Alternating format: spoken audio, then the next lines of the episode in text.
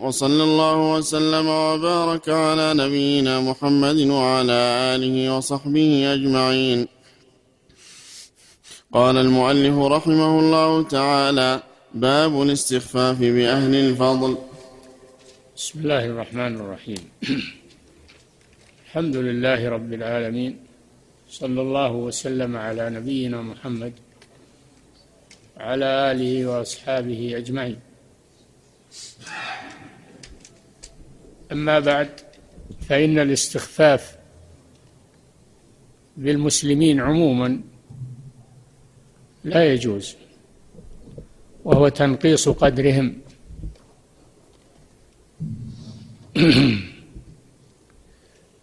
قال تعالى يا أيها الذين آمنوا لا يسخر قوم من قوم عسى أن يكونوا خيرا منهم. ولا نساء من نساء عسى أن يكن خيرا منهن. ولا تلمزوا أنفسكم ولا تنابزوا بالألقاب. بئس الاسم الفسوق بعد الإيمان. ومن لم يتب فأولئك هم الظالمون. فالمسلم له حرمة لا يجوز انتقاصها. وإذا كان ذلك لأهل الفضل فهو أشد. إذا كان هذا الانتقاص لأهل الفضل من المسلمين كالعلماء والصالحين فإن الإثم أشد.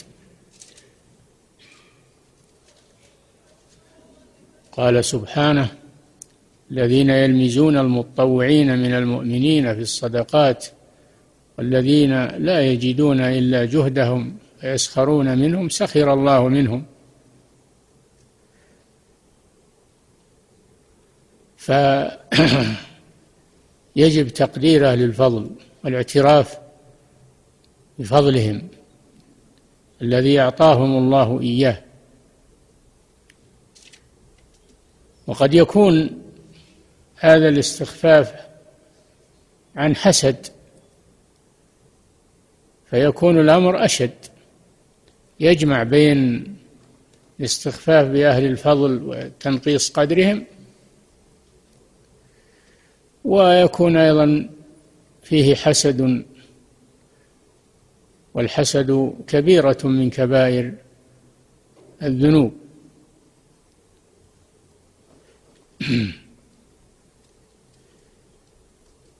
قد يكون الإنسان في نفسه حقيرا فيريد أن أن أن يزهد الناس في أهل الفضل. وليس من الإنصاف أن يدفع الفتى يد النقص عنه بانتقاص الأفاضل. فهذا من كبائر الذنوب. ولذلك عده الشيخ رحمه الله في كتاب الكبائر. ينبغي الحذر من هذا الأمر. نعم. عن ابن عمرو مرفوعا ليس منا من لم يرحم صغيرنا ولم يعرف شرف كبيرنا صححه الترمذي. الواجب على المسلم أن ينزل الناس منازلهم. فيرحم الصغير الذي فيه الضعف فيرحمه ويساعده ويدفع عنه ضعفه. ويعرف شرف الكبير الكبير في السن. والكبير في الدرجة. الكبير يشمل الكبير في السن له حق. والكبير في في العلم له حق. الكبير في الجاه أيضا له حق. فينزل الناس منازلهم ولا يستخف بهم. نعم.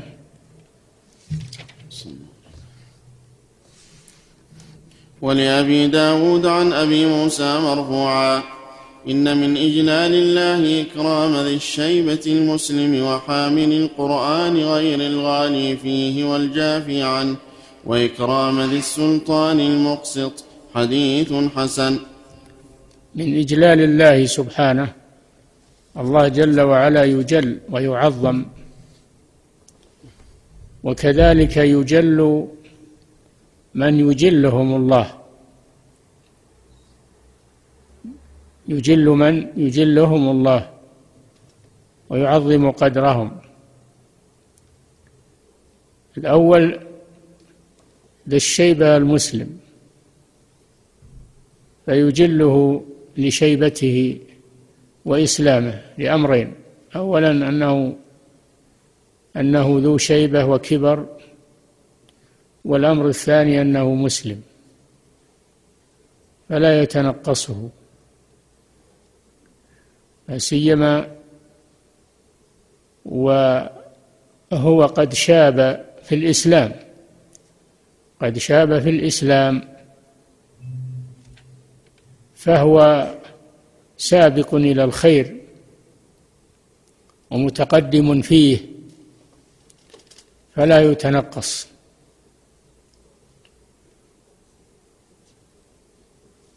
هذا واحد. والثاني نعم. حامل القرآن. والثاني حامل القرآن غير الغالي فيه والجافي عنه. حامل القرآن أي الذي يحفظ القرآن.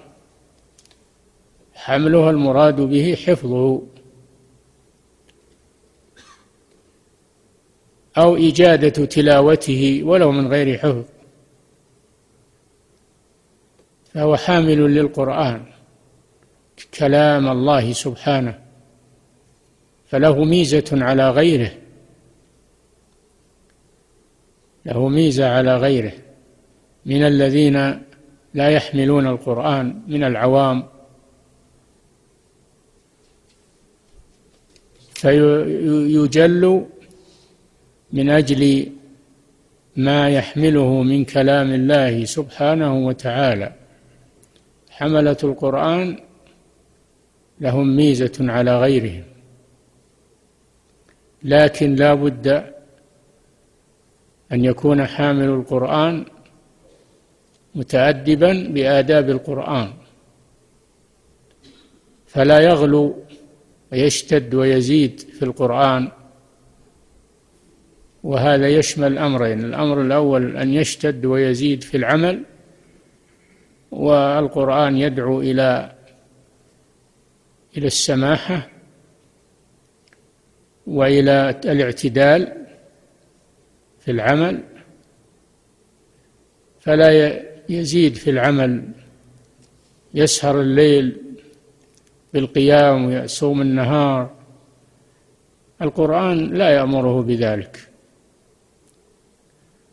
ولما قال رجل أنا أصلي ولا أنام قال الآخر أنا أصوم ولا أفطر. قال الثالث أنا لا أتزوج النساء. أنكر النبي صلى الله عليه وسلم ذلك.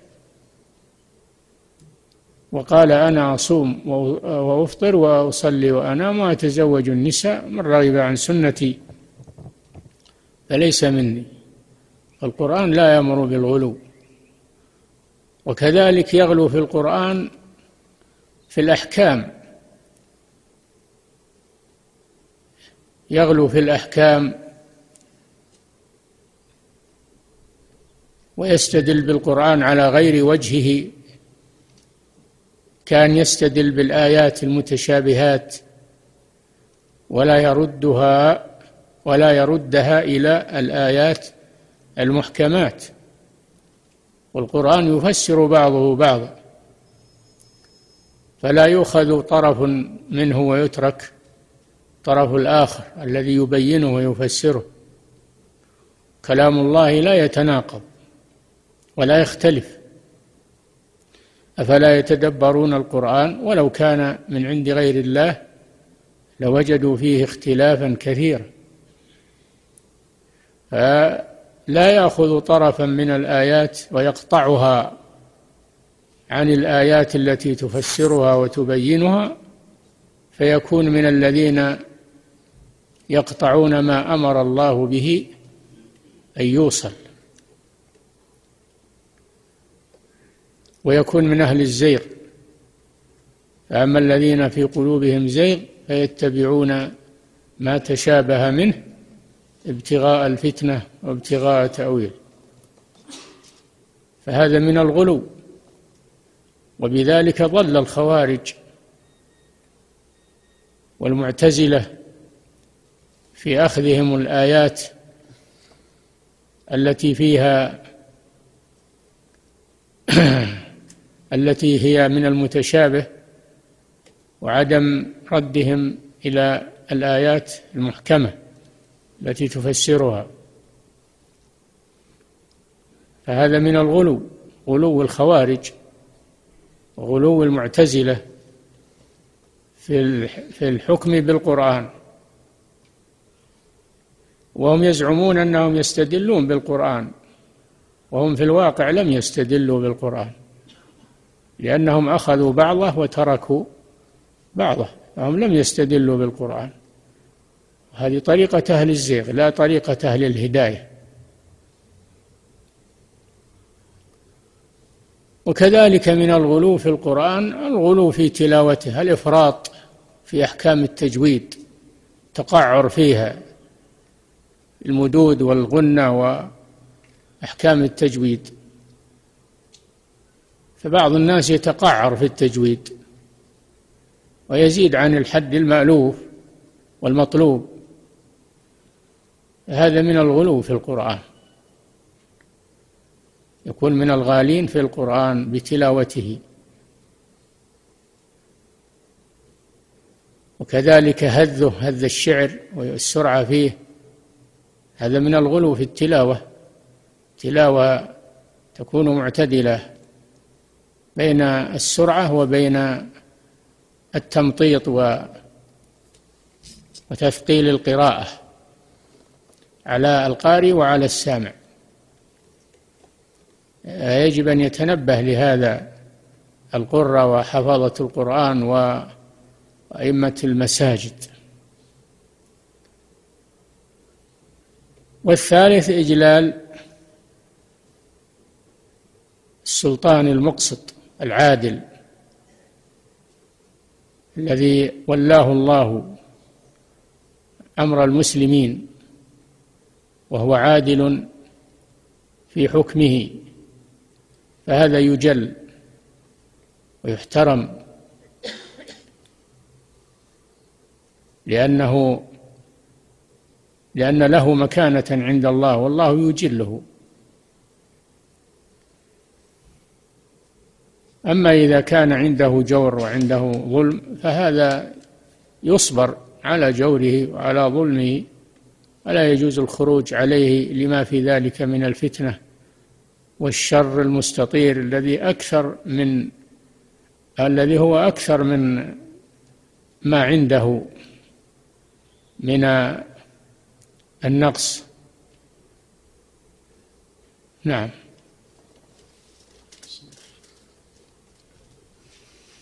ولأحمد بسند جيد. ليس منا من لا يجل كبيرنا ولا يرحم صغيرنا. ليس ولا سم. ليس ليس منا من لا يجل كبيرنا ولا يرحم صغيرنا ولا يعرف لعالمنا حقه. ليس منا. هذه الكلمة عظيمة. معناها البراءة أن الرسول صلى الله عليه وسلم تبرأ. ممن هذه صفاته. وهذه كلمة عظيمة تدل على أن هذا الفعل من الكبائر الذي لا يجل الكبير في السن أو الكبير في القدر أيضا. وكذلك الذي نعم لا يرحم الصغير. لا يرحم الصغير. الصغير ضعيف. ولا يدفع عن نفسه ولا يحسن ما ينفعه أو يضره هو بحاجة إلى من يعطف عليه ويرحمه. وكذلك الذي لا يجل العالم العالم بالشريعة العالم له حق والله رفع من شأن العلماء. قال سبحانه قل هل يستوي الذين يعلمون والذين لا يعلمون إنما يتذكر أولو الألباب هل يستوي هذا استفهام إنكار لا يستوون معناه لا يستوون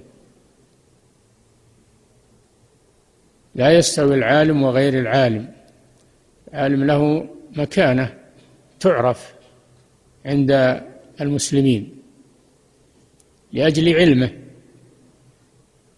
قال سبحانه يرفع الله الذين آمنوا منكم والذين أوتوا العلم درجات. والله بما تعملون خبير. فالله يرفع العلماء درجات. فكيف نخفض درجاتهم ونتنقصهم؟ النبي صلى الله عليه وسلم قال فضل العالم على العابد كفضل القمر على سائر الكواكب.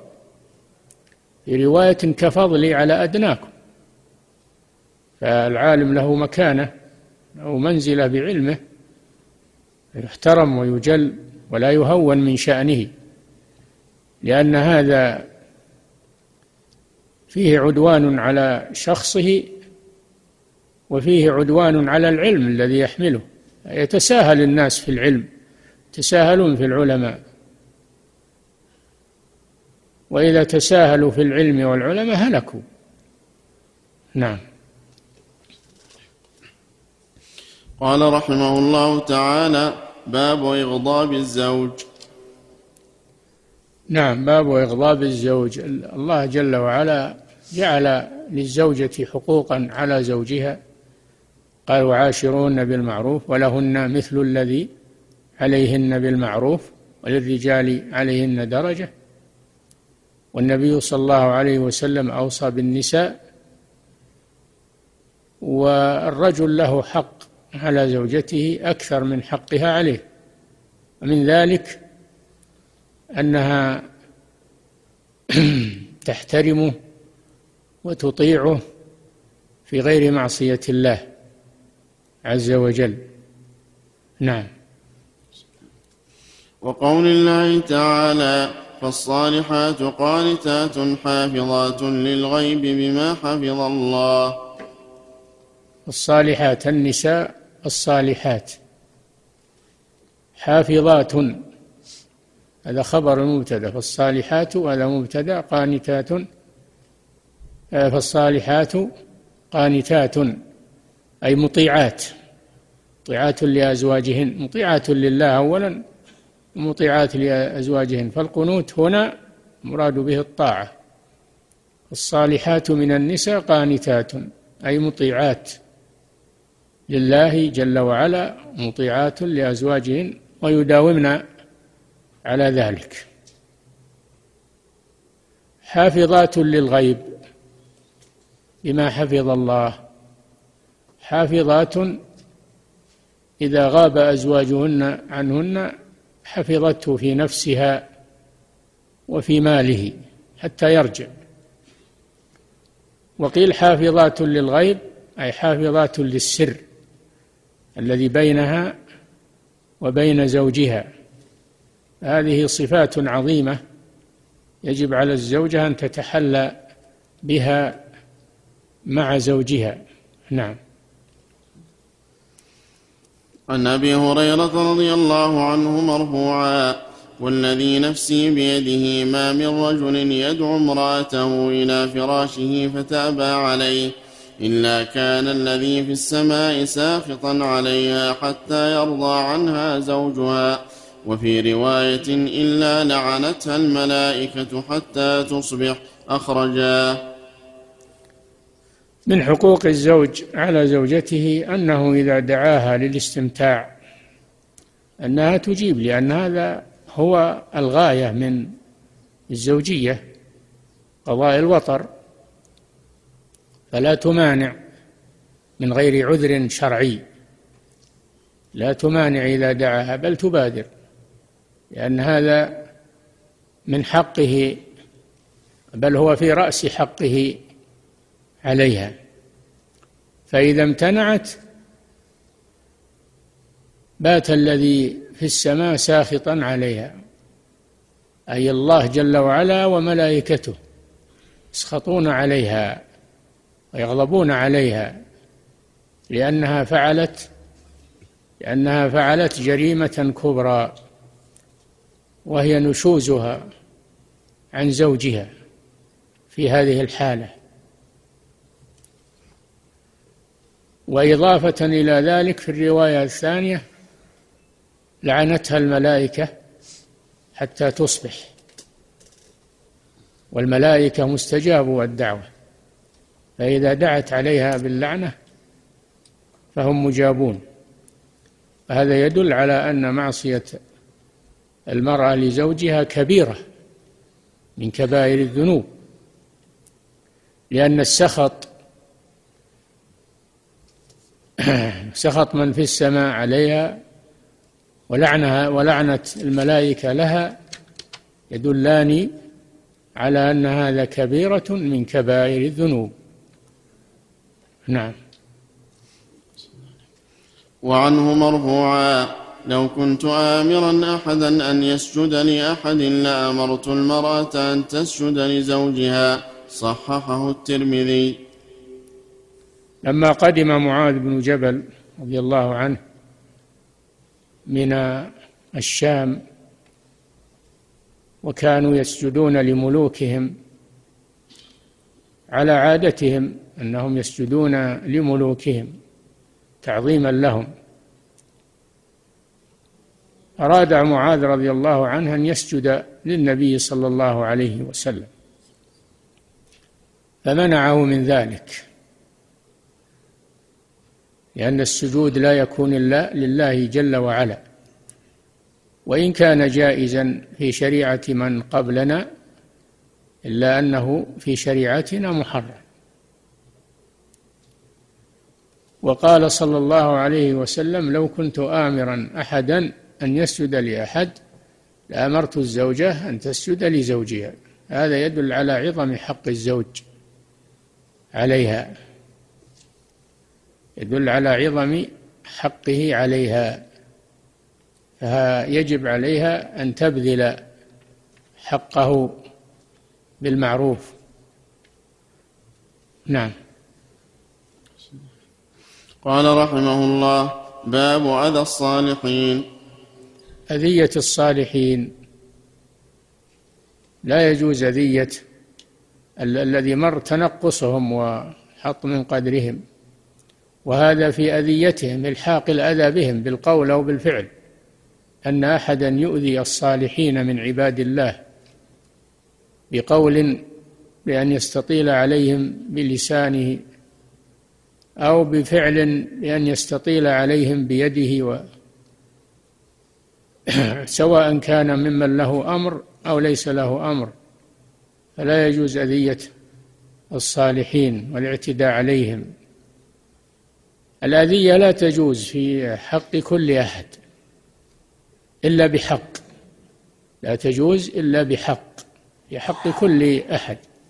لكن الصالحين من باب أولى لشرفهم عند الله سبحانه وتعالى محبة الله لهم وإجلاله لهم. نعم. وقول الله تعالى والذين يؤذون المؤمنين والمؤمنات بغير ما اكتسبوا فقد احتملوا بهتانا وإثما مبينا. قال الله سبحانه وتعالى إن الذين يؤذون الله ورسوله لعنهم الله في الدنيا والآخرة وأعد لهم عذابا مهينا. والذين يؤذون المؤمنين والمؤمنات بغير ما اكتسبوا فقد احتملوا بهتانا وإثما مبينا. فدل على تحريم دلت هذه الآية على تحريم أذية المسلمين تحريم ذيتهم بغير حق. نعم.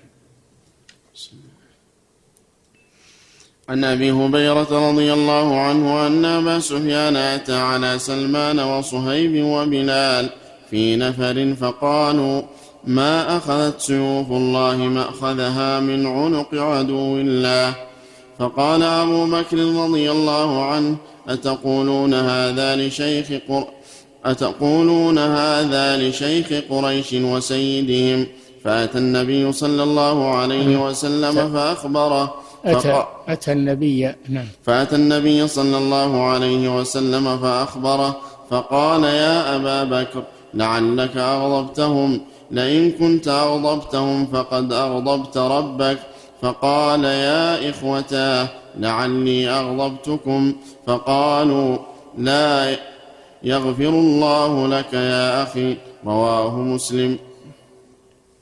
نعم هذا الحديث فيه أن أبا سفيان بن حرب جاء إلى المدينة في الفترة التي بعد صلح الحديبية وقبل فتح مكة وهو على الكفر لم يسلم بعد.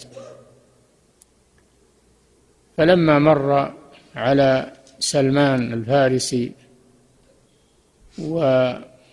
وصهيب وبلال رضي الله عنهم وهم من سادات المسلمين ومن الذين أوذوا في الله وعذبوا في الله.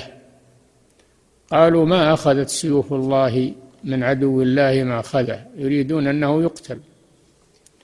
يريدون أنه يقتل انتقاما منه. لما حصل منه؟ لما كان على الكفر. ولكن الله من عليه بعد ذلك بالإسلام فأسلم رضي الله عنه. ثم أتى أبو بكر رضي الله عنه النبي صلى الله عليه وسلم فذكر له ما حصل من قول هؤلاء الثلاثة في حق أبي سفيان وهو رجل من أكابر قريش بل هو مقدم قريش في وقته. فالرسول صلى الله عليه وسلم قال له لعلك أغضبته. أغضبت سلمان وبلالا وصهيبا. لعلك أغضبته.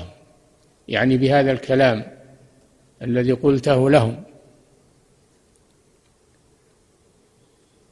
فقال يا إخوتاه قال أبو بكر يا إخوتاه هل أغضبتكم؟ قالوا لا يغفر الله لك.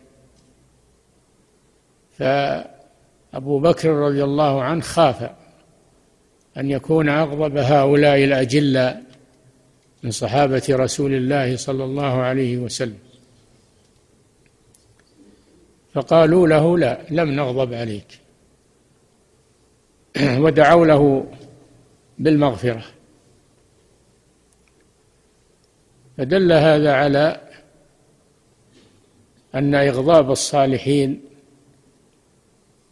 أنه يغضب الله سبحانه وتعالى.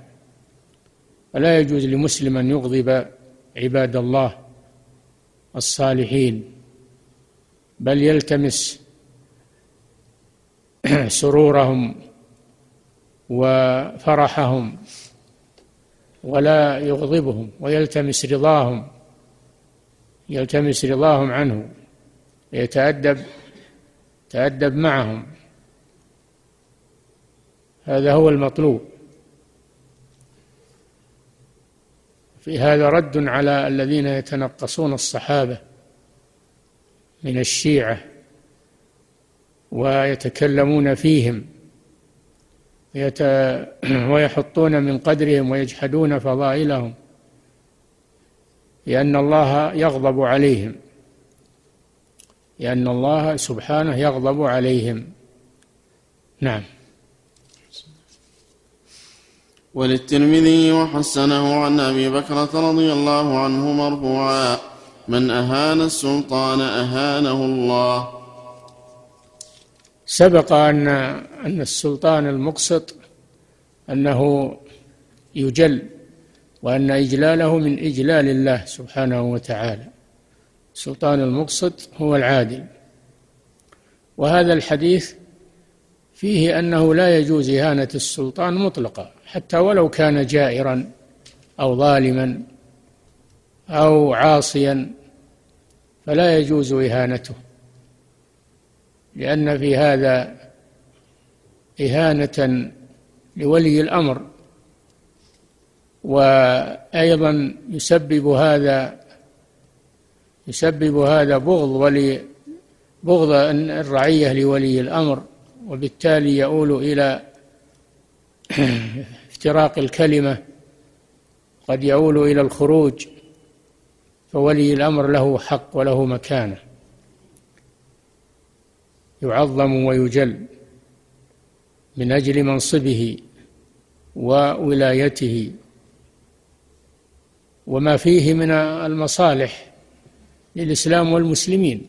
يدفع الله به شرورا كثيرة ويحفظ الله به الأمن ويحفظ الله به الحقوق ويردع الله به الظلمة ويقيم الحدود. فالسلطان ظل الله في الأرض. له فيه مصالح عظيمة للمسلمين. فلا يجوز انتقاصه والكلام فيه. فهؤلاء الذين يتنقصون ولاة الأمور الآن في المجالس أو في الأشرطة أو في بعض المحاضرات والخطب يدخلون في هذا الحديث. يدخلون في هذا الحديث ويستحقون هذا الوعيد. والله جل وعلا يهينهم. هم يزعمون أنهم بهذا يترفعون بزعمهم أن هذا من إنكار المنكر ويلتمسون به الرفعة لكن العكس. الله جل وعلا يهينهم في مقابل ما أهانوا السلطان. نعم. قال رحمه الله تعالى باب ما جاء في الأمانة والخيانة فيها وتفسير الأمانة. الأمانة مأخوذة من الأمن وهو ضد الخوف. والأمانة كلمة عامة تشمل كل المسؤوليات تشمل كل المسؤوليات التي على العبد أن يقوم بها نحو الله جل وعلا ونحو المخلوقين. وتشمل الودائع وتشمل الوظائف كلها أمانات. وتشمل كما يأتي تشمل العبادات الصلاة والصيام والاغتسال من الجنابة. أمانات في ذمة العبد. ولهذا قال سبحانه إنا عرضنا الأمانة على السماوات والأرض والجبال فأبين أن يحملنها وأشفقن منها وحملها الإنسان إنه كان ظلوما جهولا. الأمانة هنا هي أمانة تكاليف الشرعية كلها عرضها الله على السماوات والأرض والجبال. عرض تخيير لا عرض إلزام. لو عرضها عرض إلزام لما تخلت عنها هذه الكائنات لكنه عرضها عرض تخيير. وقالوا أو قالت ما لنا فيها. قال إن إن أحسنتم فلكم الأجر وإن أسأتم فلكم العقوبة. فآثروا العافية. آثرت السماوات والأرض والجبال العافية. الإنسان وهو آدم وذريته آثروا الغنيمة آثروا الأجر آثروا الأجر الذي فيها فحملوها لجهلهم بحق الأمانة تحملوها. نعم. وقول الله تعالى إن الله يأمركم أن تؤدوا الأمانات إلى أهلها. إن الله يأمركم أيها العباد أن تؤدوا الأمانات أي أن تدفعوها إلى أهلها الذين ائتمنوكم عليها. فالله يأمر بأداء الأمانات إلى أهلها. فالأمين الأمين مطلوب منه أن يحفظ الأمانة مدة بقائها عنده فإذا طلبها صاحبها فليدفعها إليه تامة غير ناقصة. قال سبحانه وتعالى يا أيها الذين آمنوا لا تخونوا الله والرسول وتخونوا أماناتكم وأنتم تعلمون. قال تعالى والذين هم لأماناتهم وعهدهم راعون. صفات المؤمنين أنهم لأماناتهم وعهدهم راعون لها. نعم.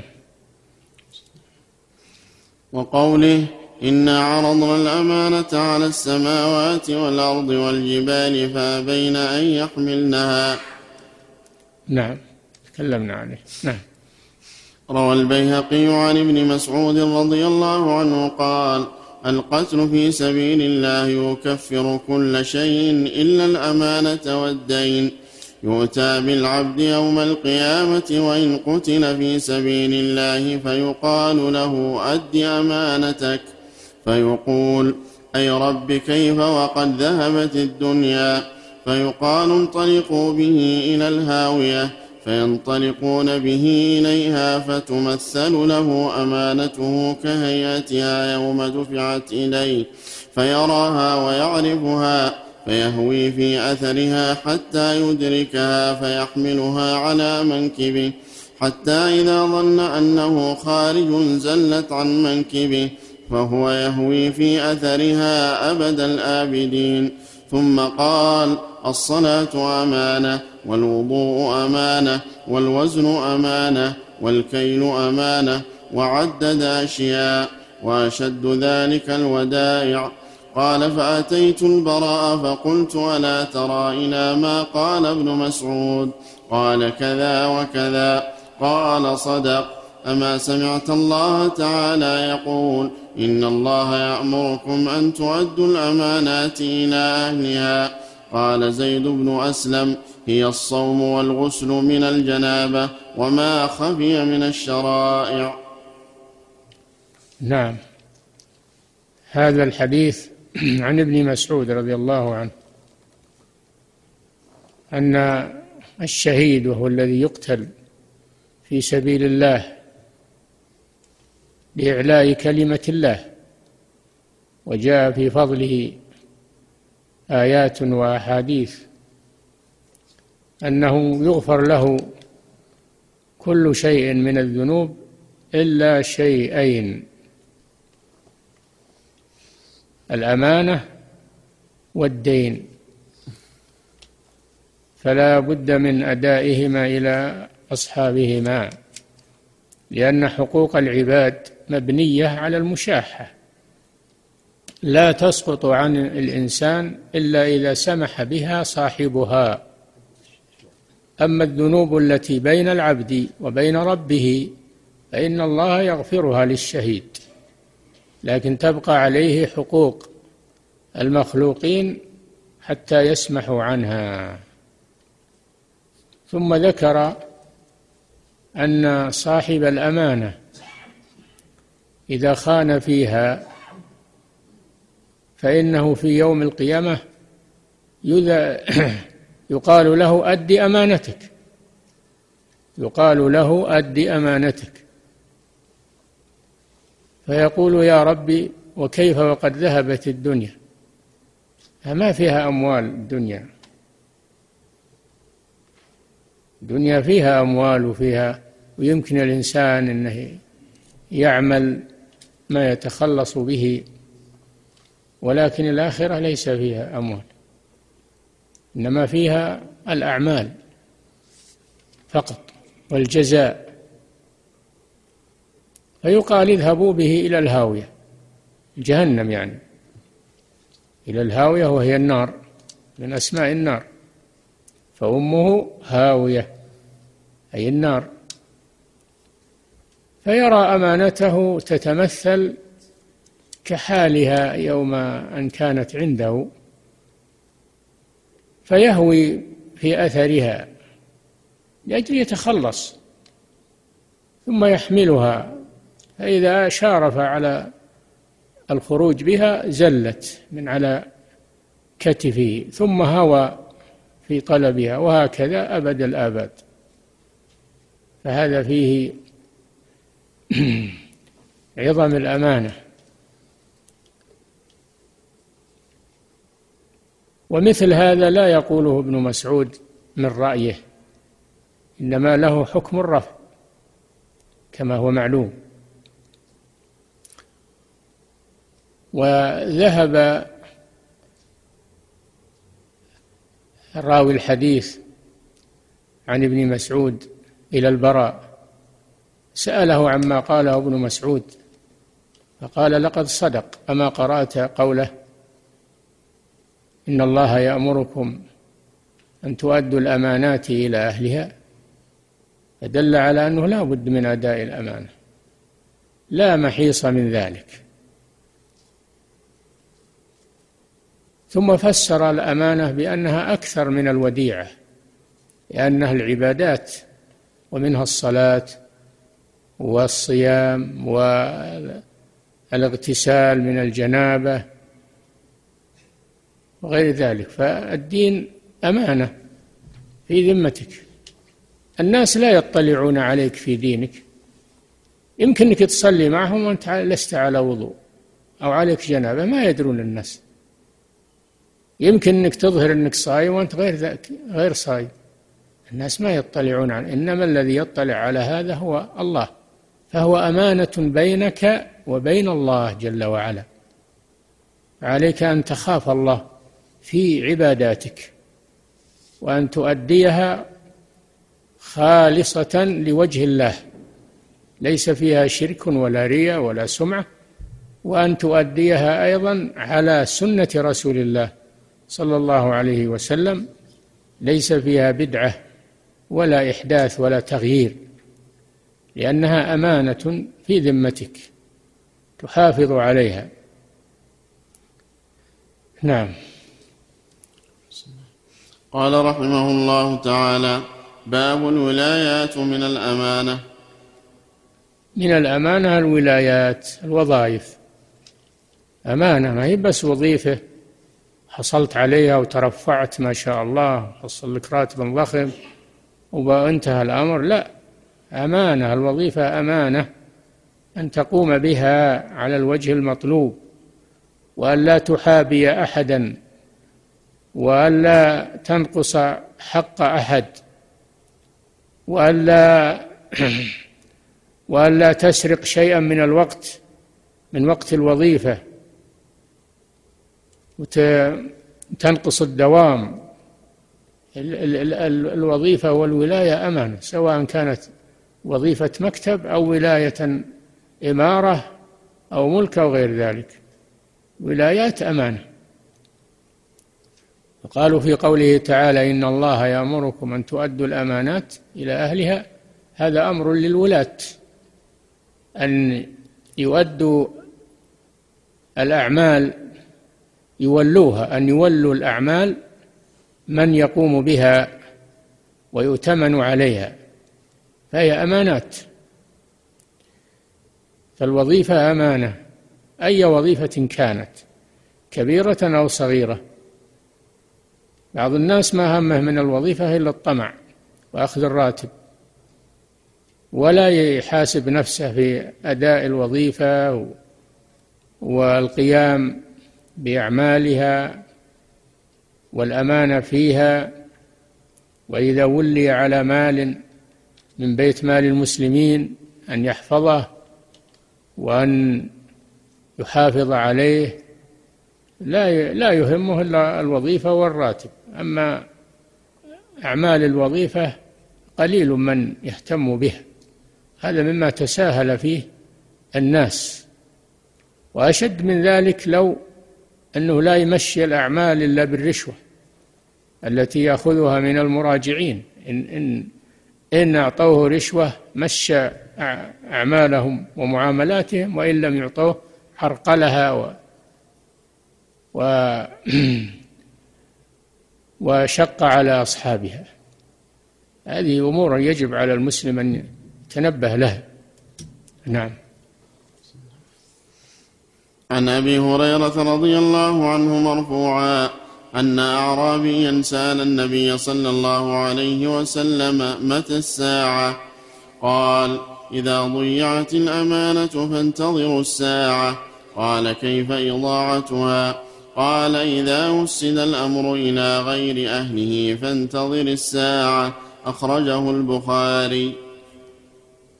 هذا الأعرابي سأل النبي صلى الله عليه وسلم متى الساعة؟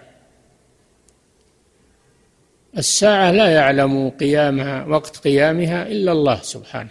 استأثر الله بعلم وقت قيامها. لكن الرسول صلى الله عليه وسلم ذكر له علامة قيام الساعة. فعلامات قيام الساعة معروفة. ذكرها النبي صلى الله عليه وسلم وبينها. هل ينظرون إلا الساعة أن تأتيهم بغتة؟ فقد جاء أشراطها أي علاماتها. علاماتها تعرف. ومنها إذا ضيعت الأمانة إذا ضيعت الأمانة انتظر الساعة. انتظر الساعة. قال وكيف إضاعة الأمانة؟ قال إذا وسد الأمر إلى غير أهله. دل هذا على أن الولايات أنها أمانة كما ذكر الشيخ رحمه الله في الترجمة. أن الأعمال والوظائف الولايات أنها أمانة. يجب أن تسند إلى أهلها. فإذا وسدت إلى غير أهلها انتظر الساعة. ولكن هل المراد بالساعة؟ الساعة العامة أو ساعة الدولة وخراب الدولة؟ العلماء يقولون المراد ساعة الدولة يعني إذا ضيعت الولايات ووليت إلى غير أهلها فهذا مؤذن بزوال هذه الدولة وهي ساعتها. نعم. قال رحمه الله تعالى باب النهي عن طلبها. النهي عن طلب الولاية. النهي عن طلب الولاية والوظيفة. هذه مشكلة لأن أكثر الناس اليوم يطلبون الوظائف واللي ما يتوظف هذا يصبح يعني ما له قيمة ولا ولا له رزق أيضا. فطلب الولاية هذا لا ينبغي للإنسان أنه يطلب لأنه ما يدري يقوم بها ولا ما ولا ما يقوم بها لأنها عهدة. ومنها الولاية يطلب إمارة نعم عن عبد الرحمن بن سمرة رضي الله عنه مرفوعا لا تسأل الإمارة فإنك إن أعطي فإنك إن أعطيتها من غير مسألة أعنت عليها وإن أعطيتها عن مسألة وكلت إليها وإذا حلفت على يمين فرأيت غيرها خيرا منها فأت الذي هو خير. وكفر عن يمينك. أخرجاه هذا الحديث فيه مسألتان. المسألة الأولى النهي عن أن يسأل الإنسان الإمارة أن يتولى إمارة سواء كانت إمارة عامة أو إمارة خاصة كالإمارة على الجيش أو على أو على مدينة أو على إقليم أو على إمارة خاصة أو عامة. لا تسأل الإمارة النبي صلى الله عليه وسلم نهى عبد الرحمن بن سمرة رضي الله عنهما فقال لا تسأل الإمارة يا عبد الرحمن بن سمرة لا تسأل الإمارة فإنك إن أعطيتها من غير مسألة وعنت عليها. وإن سألتها وكلت إليها. هذا فيه دليل على أن الإنسان لا يسأل الإمارة لأنه لا يدري هل يقوم بحقها أو لا وهي مسؤولية. والإنسان ضعيف بشر يعتريه ما يعتريه فالسلامة والعافية لا يعدلها شيء. فلا يسأل الإمارة لا يسأل القضاء لا يسأل وظيفة الحسبة لا يسأل وظيفة التعليم. الأمور التي فيها عهدة لا يسألها. لكن إذا إذا أعطيها من غير مسألة ولا استشراف نفس فإن الله يعينه يعينه عليها. وأما إذا طلبها فإن الله يكله إليها ولا يعينه. يكله إليها وإلى جهده ولا يعينه عليها. هذا وعيد. هذا وعيد شديد. لكن قالوا إذا احتاج الأمر إلى أنه يتدخل ويطلب وإلا تضيع الأمور إذا لم يوجد أحد فيه كفاءة غيره إذا لم يوجد من فيه كفاءة وهو يعرف من نفسه الكفاءة ولا يوجد غيره فإنه يتقدم لطلبها لئلا تضيع المسؤولية وتضيع الحقوق. في هذه الحالة لا بأس استنقاذا لها من من الضياع. سواء كان طلب إمارة أو طلب قضاء أو غير ذلك من المسؤوليات التي يحتاجها المسلمون.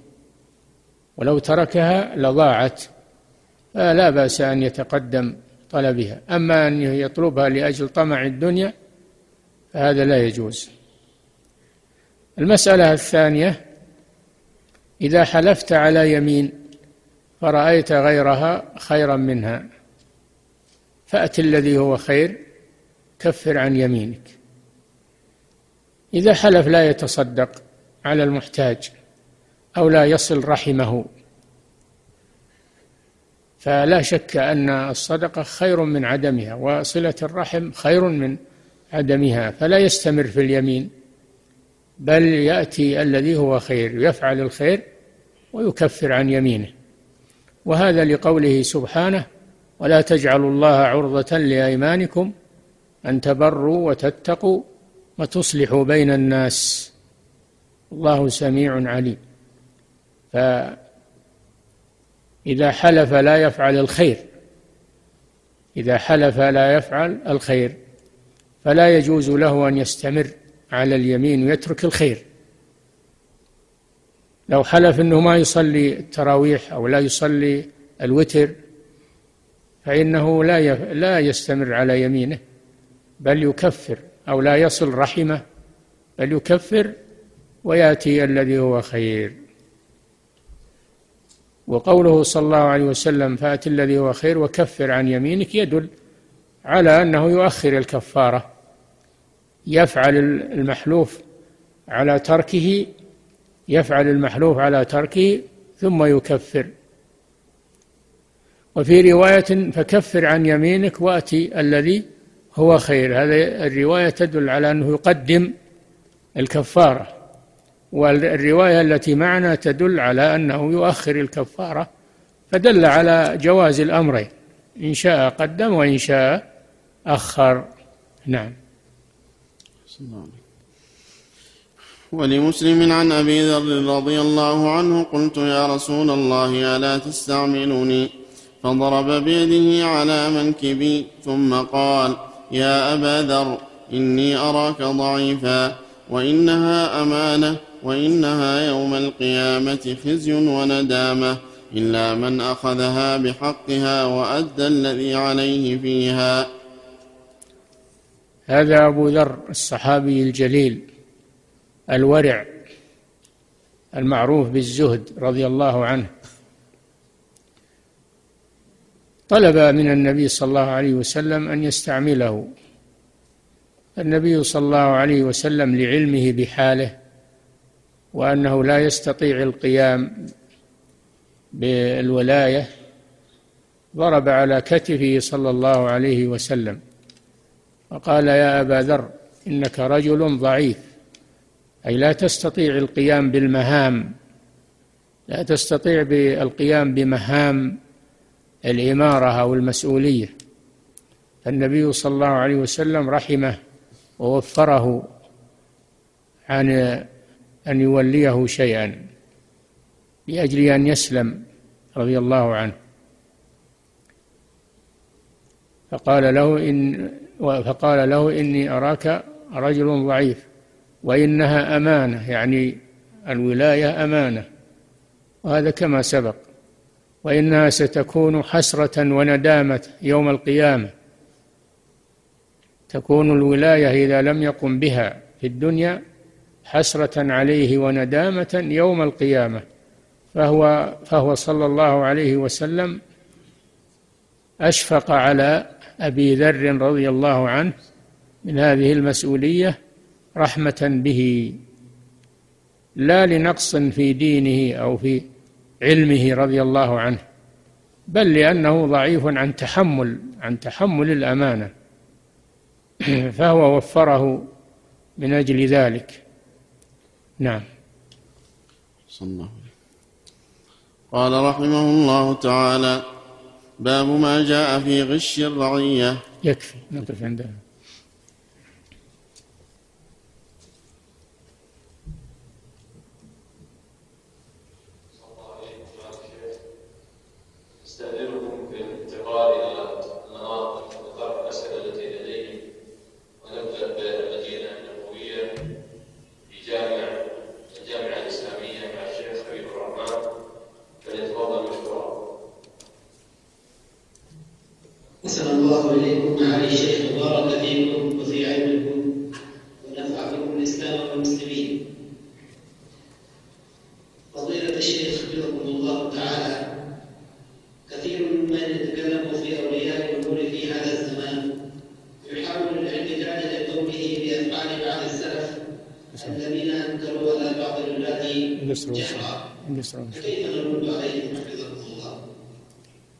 قلنا لكم في سؤال سابق إن أحاديث الرسول صلى الله عليه وسلم مقدمة على تصرفات بعض الناس. الرسول نهى عن ذلك نهى عن تنقص ولاة الأمور. أما أن ولي الأمر يوعظ يعظه العالم هذا شيء مطلوب. والذين ذكرت إنما وعظوا وعظوا ولي الأمر موعظة. أما الذين يسبونه في المجالس ويتنقصونه فيما بينهم فهذا هذا هو المقصود الآن.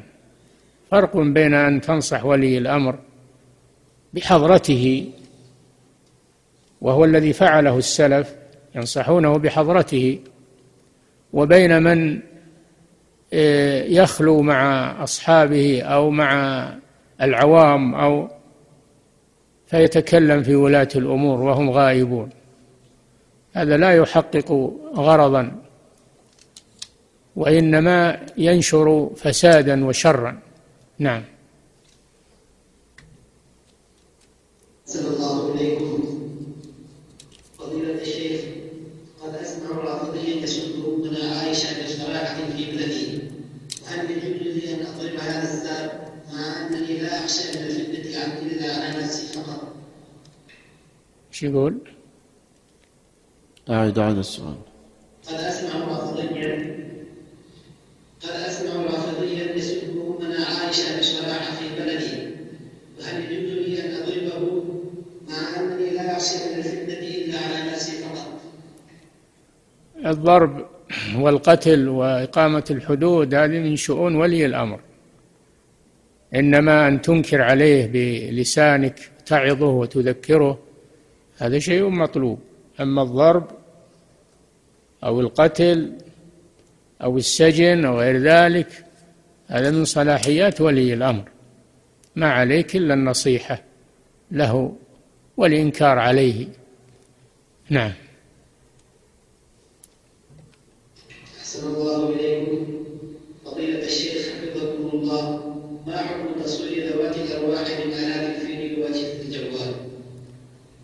التصوير لا يجوز. عموما النبي صلى الله عليه وسلم لم يستثني شيئا من التصوير بل لعن المصورين عموما وأخبر أنهم أشد الناس عذابا يوم القيامة وأنهم يوم القيامة تجمع الصور التي صوروها في الدنيا فيجعل في كل صورة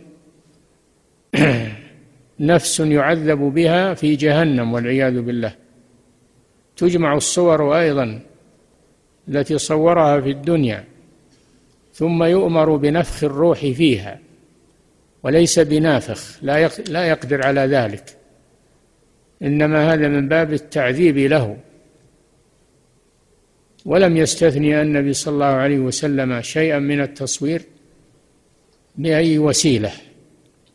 فالذي يدعي تخصيص بعض الأشياء عليه الدليل لأن الأحاديث لا تخصص بالرأي ولا بالاجتهاد ولا بقول فلان إنما تخصص بأدلة مثلها من الكتاب والسنة.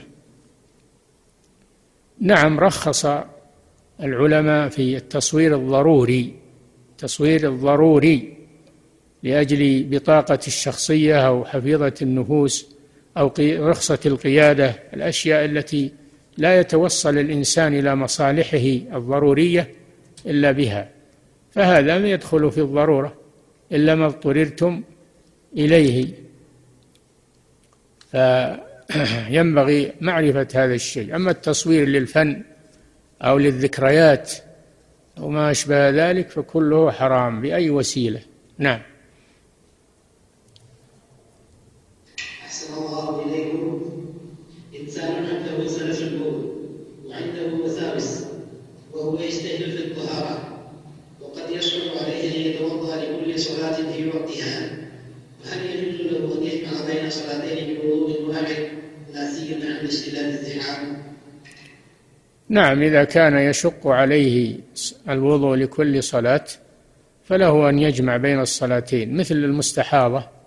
النبي صلى الله عليه وسلم رخص للمستحاضة أن تجمع بين الصلاتين تخفيفا عليها. نعم.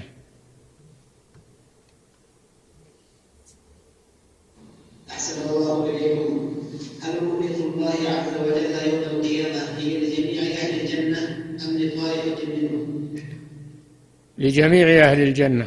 النبي صلى الله عليه وسلم قال إنكم سترون ربكم كما ترون القمر ليلة البدر كما ترون الشمس صحوا ليس دونها سحاب لا تضامون في رؤيته أو لا تضامون في رؤيته. هذا لجميع المؤمنين. إنما الذي يحجبون عن رؤية الله هم الكفار. كلا إنهم عن ربهم يومئذ لمحجوبون. أما المؤمنون فكلهم يرون الله سبحانه وتعالى عيانا بأبصارهم. نعم. أحسن الله فضيلة الشيخ وبارك فيكم.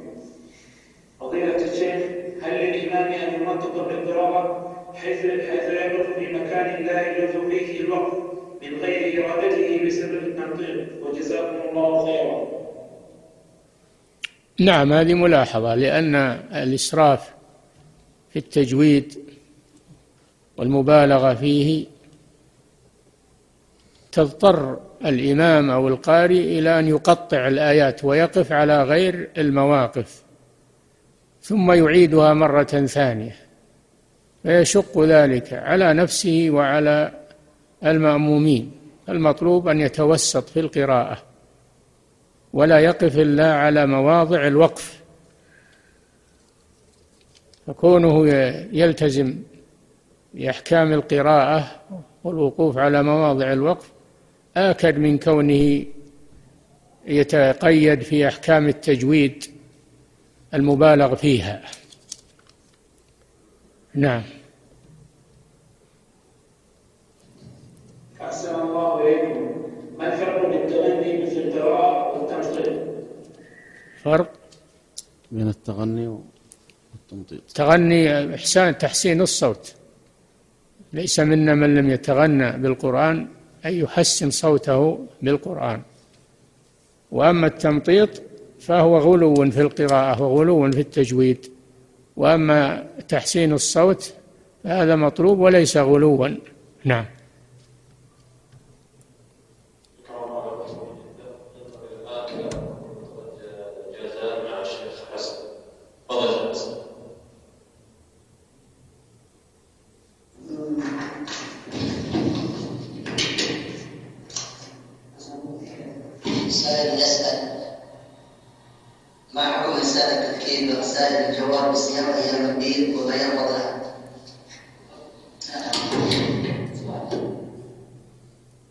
تذكير بصيام أيام البيض والأيام المستحب. صيامها لا يكون بالجوال إنما يكون بالاتصال بالهاتف أو إذا لقيت أخاك تذكره أو يكون بالموعظة في المسجد مجامع الناس. أما استعمال الجوالات والرسائل هذه يدخل فيها أشياء غير مرغوبة. لا تستعمل الجوالات في الأمور الدينية لأنها يدخل فيها أشياء وبدع غير مرغوبة. نعم.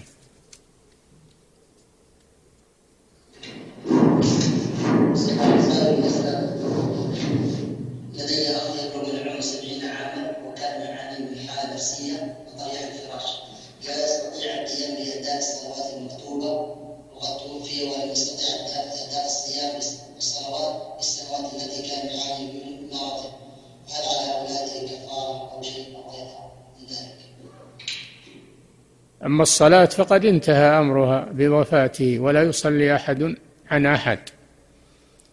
ولكنه أخطأ في كونه لم يصلي على حسب حاله.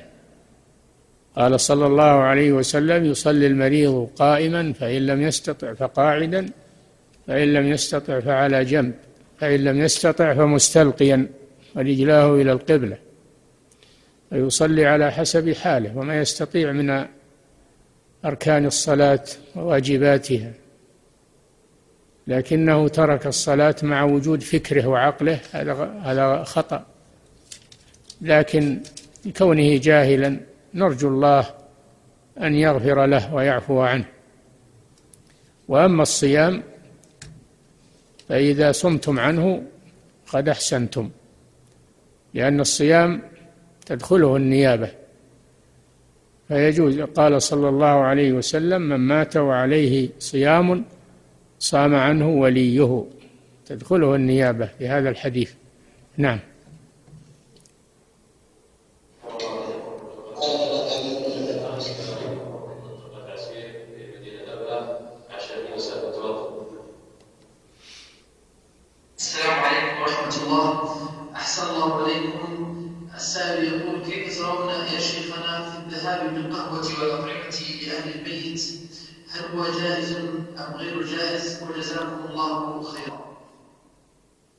النبي صلى الله عليه وسلم قال اصنعوا لآل جعفر طعاما فإنه قد جاءهم ما يشغلهم الذهاب لهم بالطعام بقدر حاجتهم هذا سنة وقد اعتاد الناس القهوة فلا مانع أيضا أن يذهب لهم بقهوة لأنها من حوائجهم.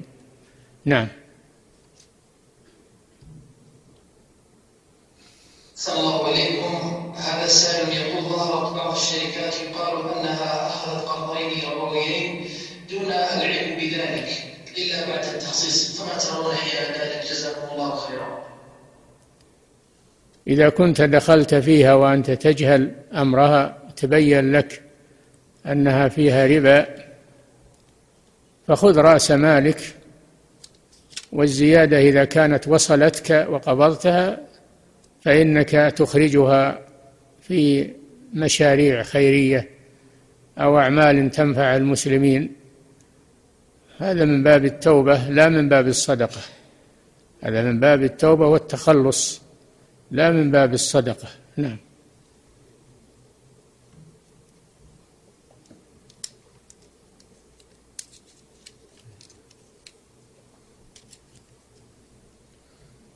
انقطع.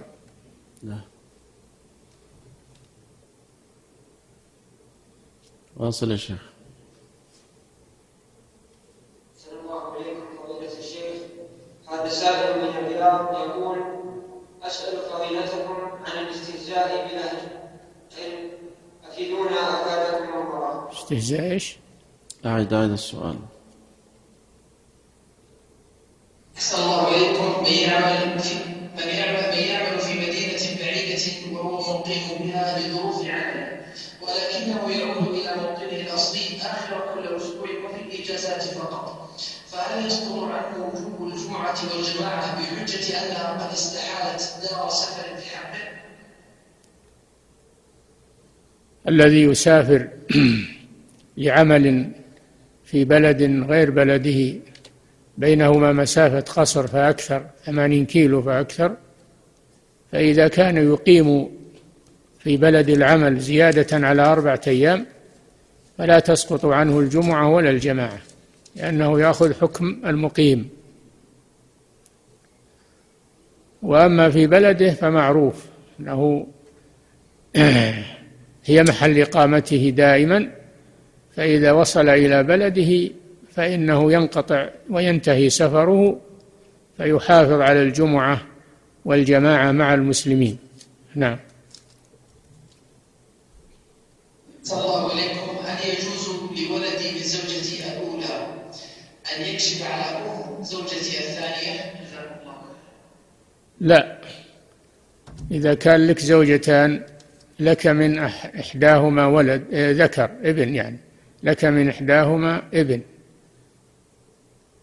فزوجتك الثانية تكشف له لأنها زوجة أبيه.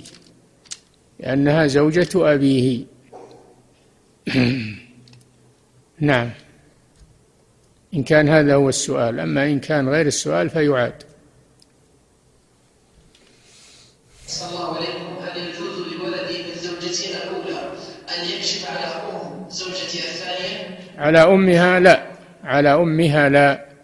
إنما زوجتك الثانية تكشف له لأنها زوجة أبيه. وأما أمها فلا تكشف لابنك.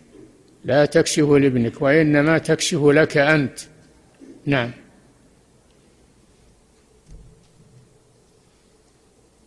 صلى الله عليكم. خالفت والدي على أمر أرى أنه صحيح. هل هذا من العصاية وعدم بره؟ إذا رأيت أن أنه صحيح وأن والدك مخطئ تبين له هذا. تبين له هذا.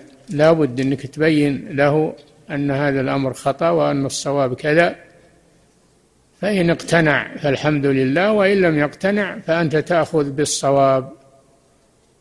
نعم لأنه لا طاعة لمخلوق في معصية الخالق. نعم. صلى الله عليكم. ما العقيقة ومتى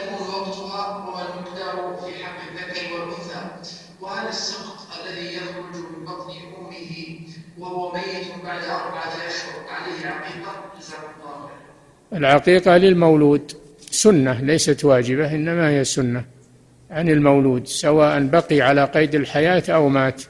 تشرع العقيقة عن الاثنين الذي يموت والذي يستمر حيا. وأما مقدارها فعن الذكر شاتان وعن البنت شاة واحدة. وأما وقتها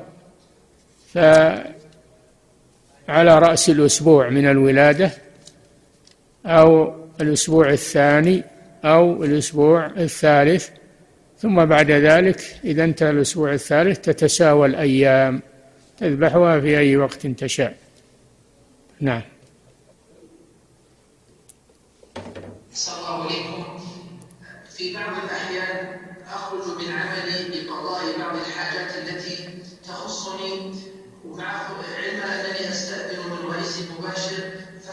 يجوز. جزاكم الله خيرا. إذا كان لا بد من هذه الحاجة لا بد لك من هذه الحاجة. أنت محتاج إليها أو بيتك. محتاج إليها واستأذنت من رئيسك فلا بأس بذلك. أما إذا كانت حاجة لست بحاجة إليها أو رئيسك لم يأذن فلا نعم. يكفي يا إخوان في الجزان الشيخ عبد الكريم.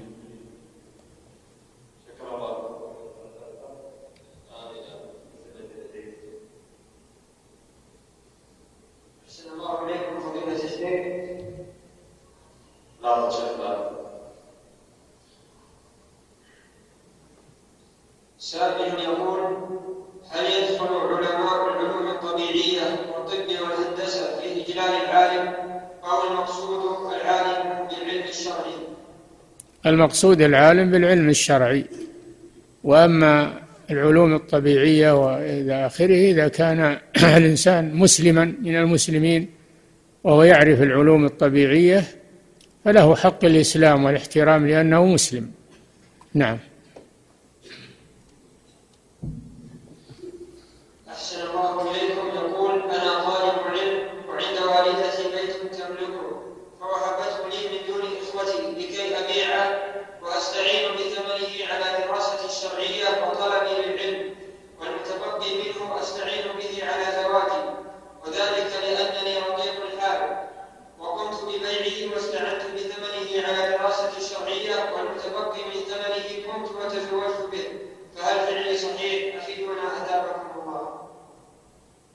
يجوز للوالد أن يخص أحد أولاده لوصف فيه كأن يكون مريضا زمنا لا يستطيع الكسب أو يكون عليه دين ثقيل ولا يستطيع تسديده أو يريد أن يتزوج.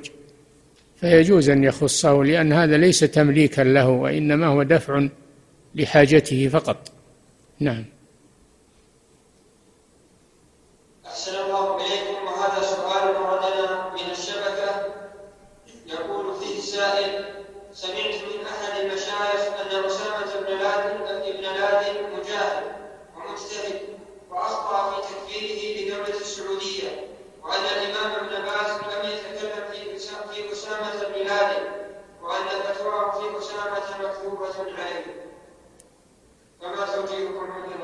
الواقع يبين هذا. أعمال بن لادن تبين حاله. ما فيه داعي للمغالطة. واقعه تحريضه على الفتن بين المسلمين. هذه هذا واقع معروف. ليس مكذوبا عليه. والشيخ ابن باز قد تكلم فيه وكلامه فيه موجود في مجموع فتاوى الشيخ. فليراجع. نعم.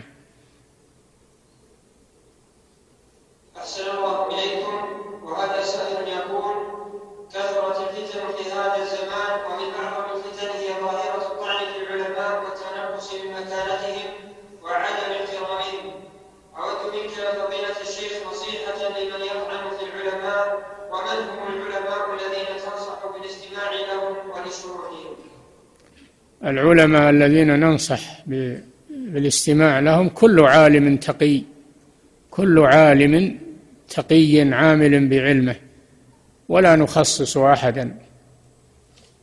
وأما الطعن في العلماء والكلام فيهم فهذا من أقبح الجرائم لأنه انتهاك للعلم اولا وثانيا انتهاك لشخصية العالم الذي أمر الله بإجلاله واحترامه وثالثا أن هذا تزهيد للعلم والعلماء عند العوام. هذا فيه مفاسد كثيرة. نعم.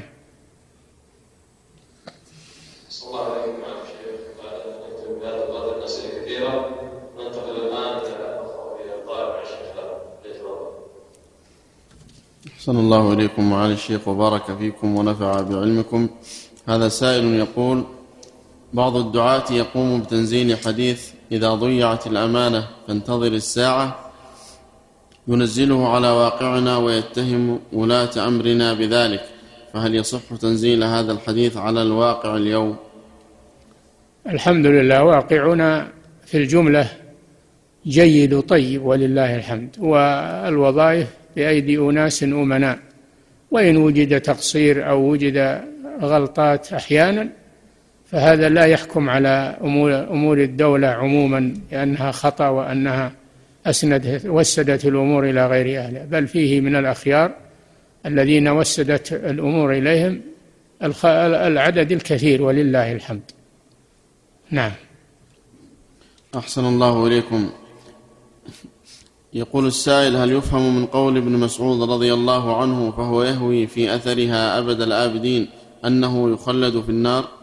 هذا من باب الوعيد. هذا من باب الوعيد. لا لا نحكم عليه بالكفر لكن يكون هذا من باب الوعيد الشديد. نعم. أثابكم الله. طاعة الزوج في الأمور المباحة هل تكون من عقده على المرأة ولو لم تنتقل إلى بيته ولم يدخل بها أم تجب عليها الطاعة بانتقالها إلى بيته؟ يجب عليها أن تنتقل إلى بيته إلا إن أذن لها إن أذن لها بأن تزور أهلها أو تذهب لحاجة ثم ترجع فلا بأس بذلك. أما الأصل فهي أن تكون المرأة في بيت زوجها وتكون تحت قوامته عليها وعلى أولادها وعلى حفظه لها. نعم. أحسن الله إليك. السائل لعله يقصد يقول هل طاعة الزوج في الأمور المباحة تكون من مجرد العقد؟ يعني قبل الدخول بالزوجة. أحكام أحكام العقد تبدأ من من انتهاء العقد. إذا أبرم العقد بالإيجاب والقبول صحيحا بدأت الحقوق الزوجية. لكن يقول الفقهاء إنه لا تجب عليه نفقتها حتى يتسلمها. لا تجب عليه نفقتها حتى يتسلمها. وأما هي فإنها تلتزم بحقوقه عليها. نعم. أحسن الله إليكم. قلتم حفظكم الله أنه لا ينبغي الإنسان أن يطلب الولاية فهل يقصد بها معالي الشيخ الولاية بمعنى الوظيفة التي يرتزق منها الإنسان أم الوظيفة التي تكون فيها جاه؟ وسلطة وهل يتعارض هذا مع أمر الله لنا بالسعي في طلب الرزق؟ طلب الرزق بالبيع والشراء والاكتساب والزراعة والاتجار. أما الوظيفة فهو فهي ولاية وعهدة ولاية وعهدة والحديث يشملها. يشملها أن الإنسان لا يطلبها إلا في الحالة التي ذكرنا لكم إذا ترتب على تركه لها ضياع ضياعها. وهو يأنس من نفسه الكفاءة ولو لم يتقدم لها لضاعت أو تولاها من لا يحسنها في هذه الحالة يطلبه نعم. أحسن الله إليكم. قال صلى الله عليه وسلم عرضت علي الذنوب فلم أرى أو فلم أرى, أرى أعظم من ذنبي. رجل حفظ آية من كتاب الله فنسيها فهل هذا الحديث صحيح؟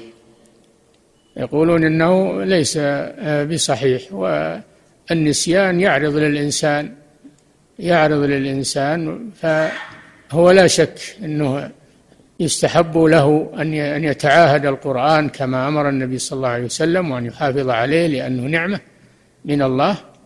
لكن إذا نسيه لا يكون مذنبا بل يكون فقد نعمة أنعم الله بها عليه. نعم. أحسن الله إليكم. هذا آخر سؤال. رجل جامع في نهار رمضان متعمدا وفي أثناء صيامه للكفارة جامع في النهار مرتين فماذا عليه؟ عليه في الجماع في نهار رمضان الكفارة قضاء اليوم والكفارة. وأما الجماع في القضاء خارج رمضان جماع في الكفارة فتفسد الكفارة ويعيدها من جديد. لو جامع في آخر يوم من الكفارة آه، في اليوم الستين من الكفارة جامع أثناء النهار آه، يعني قبل اليوم الأخير. لو جامع قبل اليوم الأخير فإنه لا بد أن يعيد الصيام من أوله لأنه قطع التتابع. قطع التتابع. ولو جامع قبل النهاية بخمسة أيام أو ثلاثة أيام أو حتى يومين قطع التتابع. فلا بد من الإعادة من جديد. نعم. أحسن الله إليكم معالي الشيخ وبارك فيكم ونفع بعلمكم وصلى الله عليه